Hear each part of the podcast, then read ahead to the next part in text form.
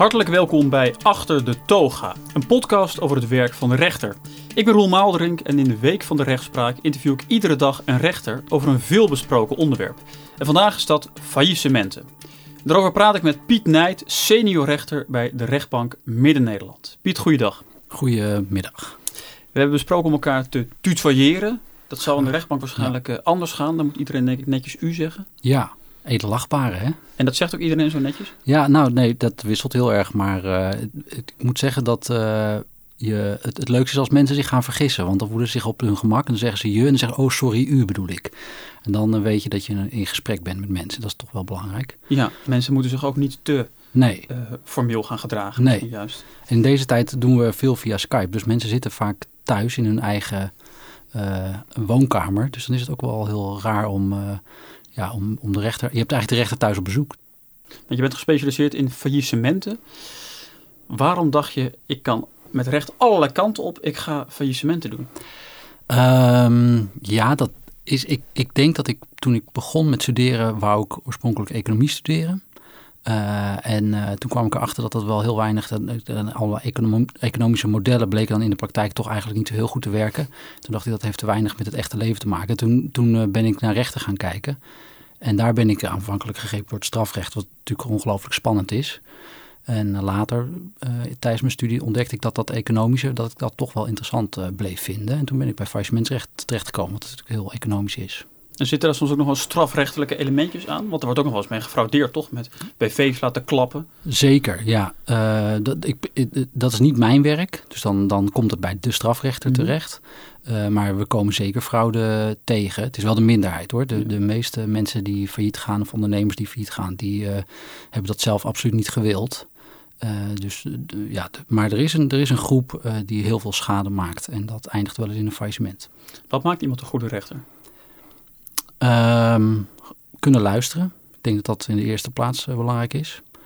Um, in het faillissementrecht is het, gaat het altijd over belangen overzien. Want als je de een gelijk heeft, dan krijgt de ander minder gelijk. Uh, bij faillissement dat vind ik altijd heel duidelijk, want je, er is gewoon onvoldoende. Hè? Dus een deel, ja, de, de boodschap is, u krijgt uw geld niet terug. Uh, en misschien een klein deel. Mm -hmm. uh, en als de een minder krijgt, krijgt de ander meer. Dus dat is altijd belangen afwegen en beslissen. Ja, het is ook een hoop ellende, lijkt me. Is het leuk? Ja, ik vind het leuk. Ja, ja, ja. het is wel. Ja, nee, de uitdaging. Ondanks de ellende of, of, dankzij de ellende? Nou, de uitdaging is denk ik om uh, er iets van te maken. Uh, en te zorgen dat in zo'n situatie die dus oneerlijk is, namelijk je krijgt je geld niet terug, dat je daar op zoek gaat naar een soort rechtvaardige of eerlijke verdeling. En dat is ja. wel een uitdaging. Ja. ja. En lukt dat dan altijd? Uh, nou, niet altijd, maar uh, in, in veel gevallen. Kijk, de, de, de gevallen waarin uh, substantieel kan worden terugbetaald aan de schuldeisers, die zijn in Nederland heel, heel laag. Ja. Dus in 80% van de faillissementen krijgt, krijgen mensen hun geld niet terug. En dan betekent het dat je ja, kijkt naar wat voor soort faillissement het is. En dan gaat het ook over duidelijkheid geven, opruimen van bedrijven die gewoon geen economische functie meer hebben.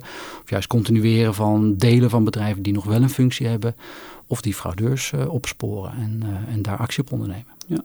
We zitten natuurlijk midden in de, in de coronacrisis. Merk jij effect daarvan op het aantal faillissementen? Hmm. Ja, het aantal faillissementen is gek genoeg niet gestegen, eerder gedaald.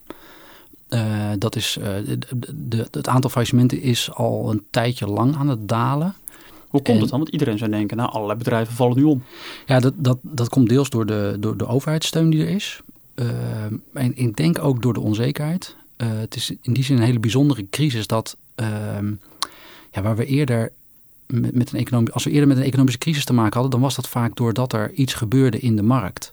Waardoor er geen behoefte meer was aan bepaalde internetbedrijven of uh, de, de rentes gingen ja. stijgen. En dan kwam er een correctie en dat leidde tot faillissementen. Maar nu hebben we op zichzelf prima ondernemers met goede bedrijven Alleen wij hebben besloten een tijdje thuis te blijven zitten. Ja. En dat is natuurlijk heel gek. Dus, dus, dus op zichzelf zijn dat, ja, zit iedereen ook te wachten van, ja, gaat dat weer over? En hoe ziet die nieuwe situatie eruit? En kunnen we ons aanpassen? Maar merk jij het dan helemaal niet in, in, in, in, de, in de zaken die je doet? Zit er niks, komt er niks qua corona langs? Ja, wel. Ik denk dat, dat bijna uh, elke zaak speelt het een rol. Want dus of het is uh, nu de druppel die de emmer doet overlopen. Dus, dus mensen hadden het al moeilijk en dan komt de corona overheen. en, en je ziet toch wel, de evenementenbranche is, heeft het heel, is, is gewoon heel zwaar getroffen. horeca heeft problemen, dus die komen wel langs. Heb je een voorbeeld dan van iets wat afgelopen tijd die je voor je hebt gehad waar die, failliet ging of, of bijna failliet ging vanwege corona? Ja, dus we hebben een, eh, een tijdje geleden al, het was een van de eerste uh, zaken waar iemand het woord corona gebruikte bij mij op de zitting. Dat was een, uh, een pannenkoekenschip. En die ondernemer zei, ja, dit, met anderhalve meter afstand, dat gaat op mijn schip niet werken. Nee. Dus ik moet stoppen. Uh, en vorige week nog een horeca-ondernemer met juist een ander verhaal. Want die was uh, januari begonnen. Uh, en uh, die merkte dat, uh, ja, dat ja, de, de, de, de, corona kwam er overheen. De omzet daalde enorm. En die begint er nu net weer uit te, te kruipen, zou ik maar zeggen. Dus die mhm. merkt dat hij wel een slag heeft kunnen maken naar, ja, naar een nieuw, nieuwe formule. En, en weer omzet maakt. En wat heb je daar dan, dan besloten? Nou, die, die is uiteindelijk niet failliet gegaan. Dus dat, dat is natuurlijk het. Uh, Want daar kon de schuldeisen dan toch wel betaald worden? Nou, dat is, dat is uh, niet direct. Hè? Dus, dus een uh, faillissement wordt aangevraagd door een schuldeiser die gewoon geld te goed heeft op dat mhm. moment. En die rekening is niet betaald. En in het geval van, van corona wordt er nu al een paar maanden natuurlijk niet betaald. maar de, de vraag is dan een beetje, kijk, schulden hebben alleen is niet genoeg. Dus, dus ehm, uh, jij en ik hebben ook schulden. Mhm. Uh, misschien heb je wel een uh, hypotheek, heb je een, een lening, studielening. studielening, ja. ja. nou, duo gaat maar niet failliet verklaren hoop nou, dat hoop ik ook niet. want daarvoor is ook nog nodig dat je verkeerd in een toestand van het hebben opgehouden te betalen. En dat is iets duurzamers. He, dus dat is dat je echt bent, dat je niet meer betaalt. En dat is niet dat je per se vandaag niet betaalt. Maar dat betekent dat je ook op langere termijn gewoon niet in staat bent om je schulden te gaan betalen. Ja. En als je als ondernemer een goed verhaal hebt, ja, als je een goed verhaal hebt en je zegt, nou kijk, dit is mijn liquiditeitsprognose, uh, mijn omzet ziet er zo uit, ik zit weer in de lift, ja. ik heb die en die maatregelen getroffen om, uh, om mijn bedrijf gezond te, te, maken en te houden, dan, dan ben je niet failliet. Ja, dan, dus dat, was, dat gebeurde bij het restaurant, die, die pannenkoekenboot, hoe liep dat dan? Ja, dat was, die, die ondernemer vroeg zelf om zijn faillissement. Uh, en dat hoort denk ik ook bij verantwoord ondernemerschap. Hè? Dat als je ziet, ik kan die onderneming verder niet fatsoenlijk voortzet op deze manier, ja, dan moet je voorkomen dat de schade oploopt bij je schuldeisers. En dat betekent het uh, tijdig stoppen. En dat, dat is uh, niet makkelijk voor een ondernemer die natuurlijk zijn ziel en zaligheid in die onderneming heeft gestoken. Nee. Maar wel een uh, verantwoordelijke stap, denk ik. Ja dat, dat is, ja, dat is verantwoordelijkheid nemen. Pijnlijk ook wel. Ja, pijnlijk. Ja, zeker. Ja. Vind jij dat dan ook, ook, ook lastig om dan uiteindelijk uit te spreken van nou, dit hier, hier staat nu een punt achter. Dit hier misschien niet, omdat die pannenkoeken, omdat die eigenaar het zelf aangevraagd, maar in, in andere gevallen? Nee, ja, dat, dat, is, het, dat is het vaak wel. Uh, ook bij die ondernemer die, die er zelf om vraagt, want die doet dat ook niet met plezier. Nee. Uh, soms merk je dat het voor mensen ook een opluchting is, hè, want er komt een curator. Uh, die gaat dingen overnemen, die gaat moeilijke beslissingen nemen voor je. En, en ja, er zijn ondernemers die. Ik heb, wel, ik heb wel eens meegemaakt dat een ondernemer. zijn faillissement was aangevraagd door een schuldeiser. Maar dat bleek onterecht. Die schuldeiser had helemaal niks, uh, niks te goed.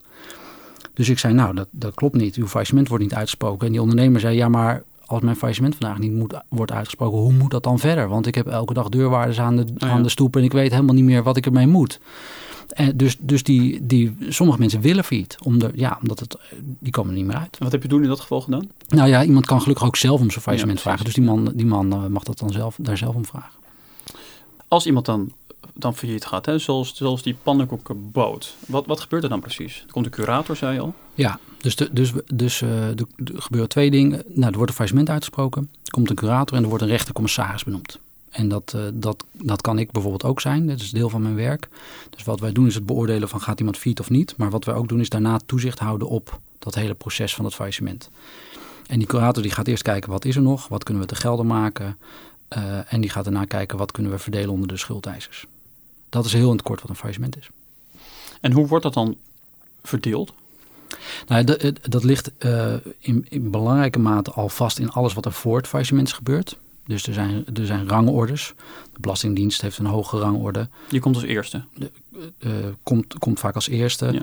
Uh, werknemers, hogere rangorde. Uh, leveranciers zitten dan vaak weer wat lager. maar er kunnen mensen een eigendomsvoorbehoud hebben. Dus die hebben dan bepaalde spullen die ze terug mogen hebben. Een bank kan een hypotheekrecht hebben. Dus die mag misschien de waarde van het pand hebben. Nou, dus daar zit een heel soort verdelingsvraagstuk in. Waar de curator als een soort politieagent zorgt dat die schuldeisers niet allemaal over elkaar heen buitelen, maar dat iedereen krijgt waar die recht op heeft. Ja, dus ik, begrijp ik nog goed dat dus als een bedrijf failliet gaat, dan mag die eigenaar van het bedrijf, die gaat niet meer om zijn eigen bezittingen of om zijn eigen geld, maar dat is dan nu curator, die gaat op basis van de wetten kijken van oké, maar dit stukje moet dan naar de, naar de Belastingdienst, dit is nog voor de werknemers en dit nog over voor leveranciers, et cetera. Nee, ik, ik, denk dat mensen dat, zich dat niet realiseren, maar faillissement is, is uh, de, dus het strafrecht, daar, daar word je echt in de cel gezet. Maar als je kijkt civielrechtelijk, wat is het zwaarste wat je kan overkomen, is dat een faillissement. Want eigenlijk wordt, je dus, wordt tegen jou gezegd, jouw eigendommen zijn niet meer van jou. Maar alleen maar je, je zakelijke niet meer, eigendommen, toch? Niet, niet, je, niet je privé. Als, jou, als jouw BV failliet gaat, jouw onderneming, dan is het alleen je zakelijke. Maar als jij privé failliet gaat, gaat het om alles wat jij privé hebt en in de toekomst krijgt. Daar ben je niet meer beheers- en beschikkingsbevoegd over. Dus en dat doe je ook? Ja, dat, dat, gaat daar, dat, dat valt allemaal onder hetzelfde faillissement. En dan kom, je, dan kom je in de schuldsanering? Of wat? Nou, dat kan ook nog. Hè. Dus, dus je, hebt, je hebt een aantal procedures in Nederland en er, er zijn, zijn ook nog een aantal in de maak. Maar een, uh, een faillissement, dat gaat echt over te gelden maken en uitdelen aan de schuldeisers. En een schuldsanering is er specifiek voor, voor privépersonen. Mm En dat geeft mensen uitzicht op een schone lei. Dus dat betekent dat uh, dus een faillissement eindigt ja, er is iets uitgedeeld. Maar wat er niet is uitgedeeld, ja, dat hebben de mensen dus nog te goed. En zo'n schuldsaneringsregeling die eindigt na drie jaar en dan heeft iemand een schone lei, ongeacht of we nou een deel van die schulden hebben kunnen terugbetalen. Ja. Dus, dus, dat is voor iemand die verder wil met zijn leven natuurlijk heel belangrijk. Ja, dus, dus je zegt dat failliet gaan zijn van de ergste dingen die je kan overkomen. En dan is het misschien nog prettiger, tussen aanhalingstekens, als, als het bedrijf is dat je dat failliet gaat. Want dan kun je zelf je auto houden, je huis houden, et cetera. Ja. Dan dat je persoonlijk. Ja, nou, ik weet niet of het per se het ergste is, maar het is het meest ingrijpende, vind ik altijd. Ja. Dus, dus als je kijkt civielrechtelijk en wat rechters eigenlijk doen, is, is heel ingrijpend voor, voor mensen in de cel gezet worden is heel ingrijpend. Maar dat, dat je allemaal kan worden afgenomen is natuurlijk ook behoorlijk ingrijpend. Ja. En er wordt dus een verdeling gemaakt van wie krijgt nog, uh, wie krijgt nog, uh, nog, nog wat. Nou, er zit die rangorde in. Als je dus laag in die rangorde staat, dan kun je fluiten ja. naar geld dat je nog te goed hebt. Uh, vaak wel. Ja. ja. Dat is wel de situatie. Nee, het is dus ook zaak om te zorgen dat je, uh, dat je niet al te laag in de rangorde staat. Ja. En als je laag in de rangorde staat, dat, dat het bedragen zijn die, uh, ja, die, uh, waar, je door jezelf niet opeens failliet gaat. Dat, ja. is natuurlijk de, dat is de andere kant van zo'n verhaal. Vaak is het zo dat, dat schuldeisers in een faillissement zelf in de financiële problemen komen. doordat hun, hun rekeningen ook niet betaald worden. En dat is natuurlijk het lastige. Ja, en dat is het lastige van deze crisis ook. Die treft in principe iedereen. Dus je kan wel zeggen, ik ga de horeca-ondernemers uh, beschermen en ik ga hun schulden saneren. Maar dat betekent dat de, de toeleveranciers van die horeca-ondernemingen een deel van hun geld niet krijgen. En hoe gaat dat dan? En, dat, ja, en waar die domino-stenen uh, uiteindelijk tegenaan rollen, dat weet je niet. Dus je wil bedrijven eigenlijk niet failliet laten gaan? Nee, dat is het beste is om dat niet te doen. Nee. En, en hoe doe je dat dan?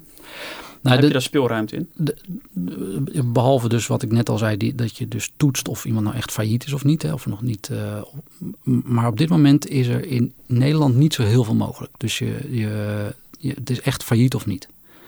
En er zijn uh, wel wetsvoorstellen op dit moment in de Eerste Kamer. Uh, eentje, nee, beide wetsvoorstellen dateren volgens mij al vanuit de vorige crisis. En die ene heet de Wet Continuïteit Ondernemingen 1. Nou, dat mm -hmm. zegt al een beetje, het gaat ja. over hoe kunnen we zorgen dat ondernemingen continuïteit krijgen, ook als ze in financiële problemen komen. En de andere heet de wet homologatie onderhands akkoord. En dat betekent dat je een akkoord is dat je een, een regeling treft met je schuldeisers. En dat, dat doe je dan ook voor faillissement.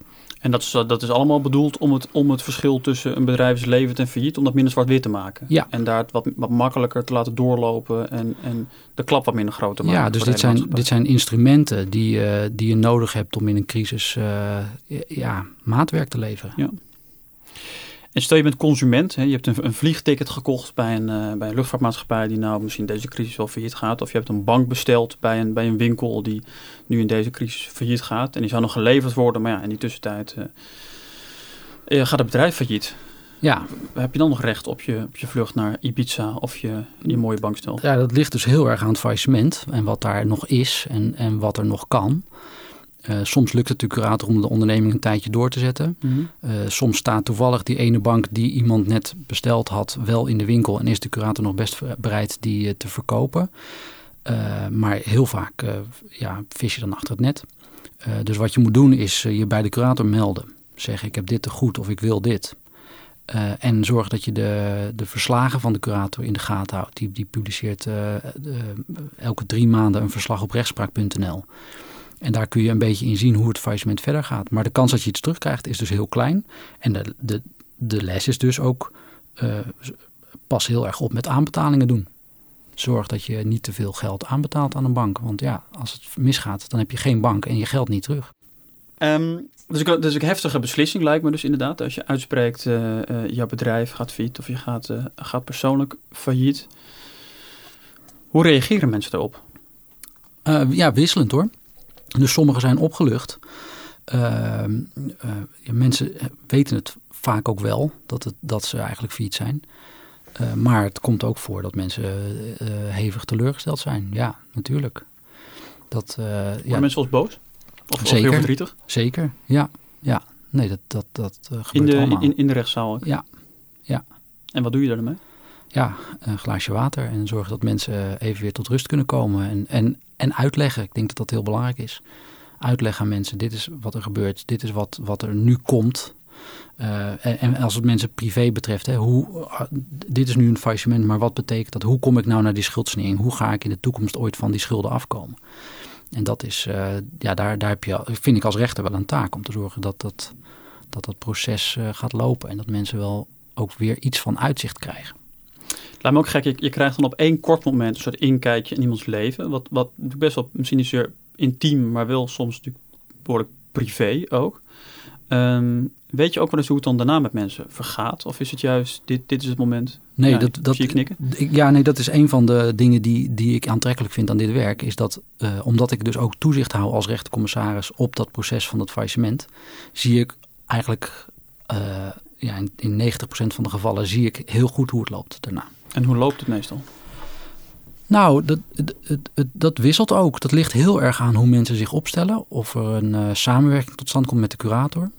Uh, dat ligt heel erg aan uh, wat mensen nog voor mogelijkheden hebben. Ja, en, en in schuldsanering, die, die regeling is heel succesvol. Dus mensen, de schulden van mensen saneren via de schuldsaneringsregeling, dat, dat, kan heel, dat lukt heel goed. Dat gaat heel goed. Dat, duurt, dat is een lang traject. Dat is een zwaar traject. Mensen, mensen vinden dat ook zwaar. Maar aan het eind van die drie jaar kun je wel van een enorme berg schulden af zijn. Het, het, wat, wat mensen zich niet realiseren. Dat is ook toen uh, een tijd, de, de, vorige crisis ging ook heel erg over de waarde van huizen bijvoorbeeld. Hè? Dan kan het zo zijn dat een, dat een echtscheiding al tot gevolg heeft dat jij in de financiële problemen komt. Ja, ja. Uh, dus het kan iedereen overkomen. En iedereen heeft recht op een uh, tweede kans. En, en dat ja, dat proberen we dan op een, uh, op een fatsoenlijke manier te doen. En wel ondertussen uh, rekening houden met dat die schuldeisers hun geld willen. Dus, dat, dus, dus er, moet wel, ja, er moet wel gespaard worden en er moeten wel oplossingen gevonden worden om zoveel mogelijk geld terug te, te geven aan de schuldeisers. Ik heb dus gehoord dat dat in Amerika veel normaler is. Dat daar ja. failliet gaan hoort veel meer bij. Je bent ondernemer en als je, niet, als je nooit failliet bent gegaan, dan hoor je er eigenlijk ja, niet bij. Zet het maar op je cv. Ja, ja dat kennen wij in Nederland eigenlijk helemaal niet. Nee. Zou daar iets meer... Uh, Zouden we iets meer wat dat betreft Amerikaanse nou, mogen hebben? Ik, ik, ik zie in elke crisis... Uh, een van de dingen die volgens mij het aller, allerbelangrijkste is... Bij, als, je, als je het hebt over schuldenproblematiek... is vroegtijdig signaleren. Want als je schulden laat bestaan en, en ze blijven maar een beetje bestaan... dan worden ze in ieder geval groter. En dan wordt de schade voor iedereen groter. En dan wordt het, het oerwoud... Dan kom je, op een gegeven moment kom je er gewoon vanzelf niet meer uit. En dan ga je zeker een keer failliet. Dus, dus, en, en waarom komen mensen niet vroeg? Dat heeft heel veel te maken met dat stigma wat eraan zit. Terwijl volgens mij hoort het bij verantwoord ondernemerschap op een gegeven moment te zien, dit gaat, hier ga ik niet meer uitkomen. En dan moet je volgens mij een faillissement aanvragen. En dat is niet iets om je voor te schamen. Tuurlijk, als je gefraudeerd hebt, maar dan, dan krijgen we een heel ander faillissement. En dan komt die strafrechter erbij en dan de, de field en weet ik wat allemaal. Maar als dat niet aan de hand is, dan, dan vind ik dat ondernemers die dat op een fatsoenlijke manier hebben gedaan, goede ondernemers die, die gewoon risico's hebben genomen, die op zich verantwoord waren, ja, die treffen bij ons een professionele curator en een professionele rechtercommissaris die hun zaken op een professionele manier afwikkelen. Zodat, zodat, zodat je ook aan iedereen kan laten zien, aan al je schuldeisers, van kijk eens, ja. dit is er gebeurd. Uh, hier is het rapport van de curator, zo is het gegaan. En ja, meer dan dit komt er niet meer uit. Zoals die pannenkoekenboter bijvoorbeeld. Ja. Dat mag en daar hoef je je niet voor te schamen. Natuurlijk, ja. ja. Dat is dat. En, en wat, wat ik in de vorige crisis zag, is dat een heleboel. Dat is ook heel raar natuurlijk van zo'n crisis. Dat als je. Dat, dat dat de, de bedrijven die het uiteindelijk overleven, zo'n crisis, dat zijn de hele goede bedrijven met veel vet op de botten. Ja. Maar aan het eind van die crisis hebben die juist weer een probleem, want die hebben al dat vet verbruikt. En die staan eigenlijk helemaal onderaan. Dus Ja. die hebben heel lang. En dat, en dat voelt nog wel eens onrechtvaardig. Dat je denkt van ja, hoe, hoe is het nou mogelijk dat, dat, dat wij dus nog niet echt systemen hebben om vroegtijdig te signaleren en te zeggen: oké, er gaat nu een probleem ontstaan, dat moeten we op een of andere manier oplossen. Eh, zonder dat we meteen helemaal door dat faillissement, waarmee het ook heel veel kapot maakt. Zo'n faillissement, ja, als, als je een goede onderneming hebt. Ik heb, ik heb een keer een, een, eh, een onderneming gehad die deden pakket leggen. Prachtig. Echt, die deden een heel mooi pakket. En die hadden, dat was echt een hele mooie onderneming. En die, die mensen konden dat ook heel erg Ja. goed. Als ik het me goed herinner, deden ze zelfs voor het Koninklijk Huis eh visgraat leggen. Nou, heel mooi. Dan, dan kun je wat, ja. Dat dacht ik ook.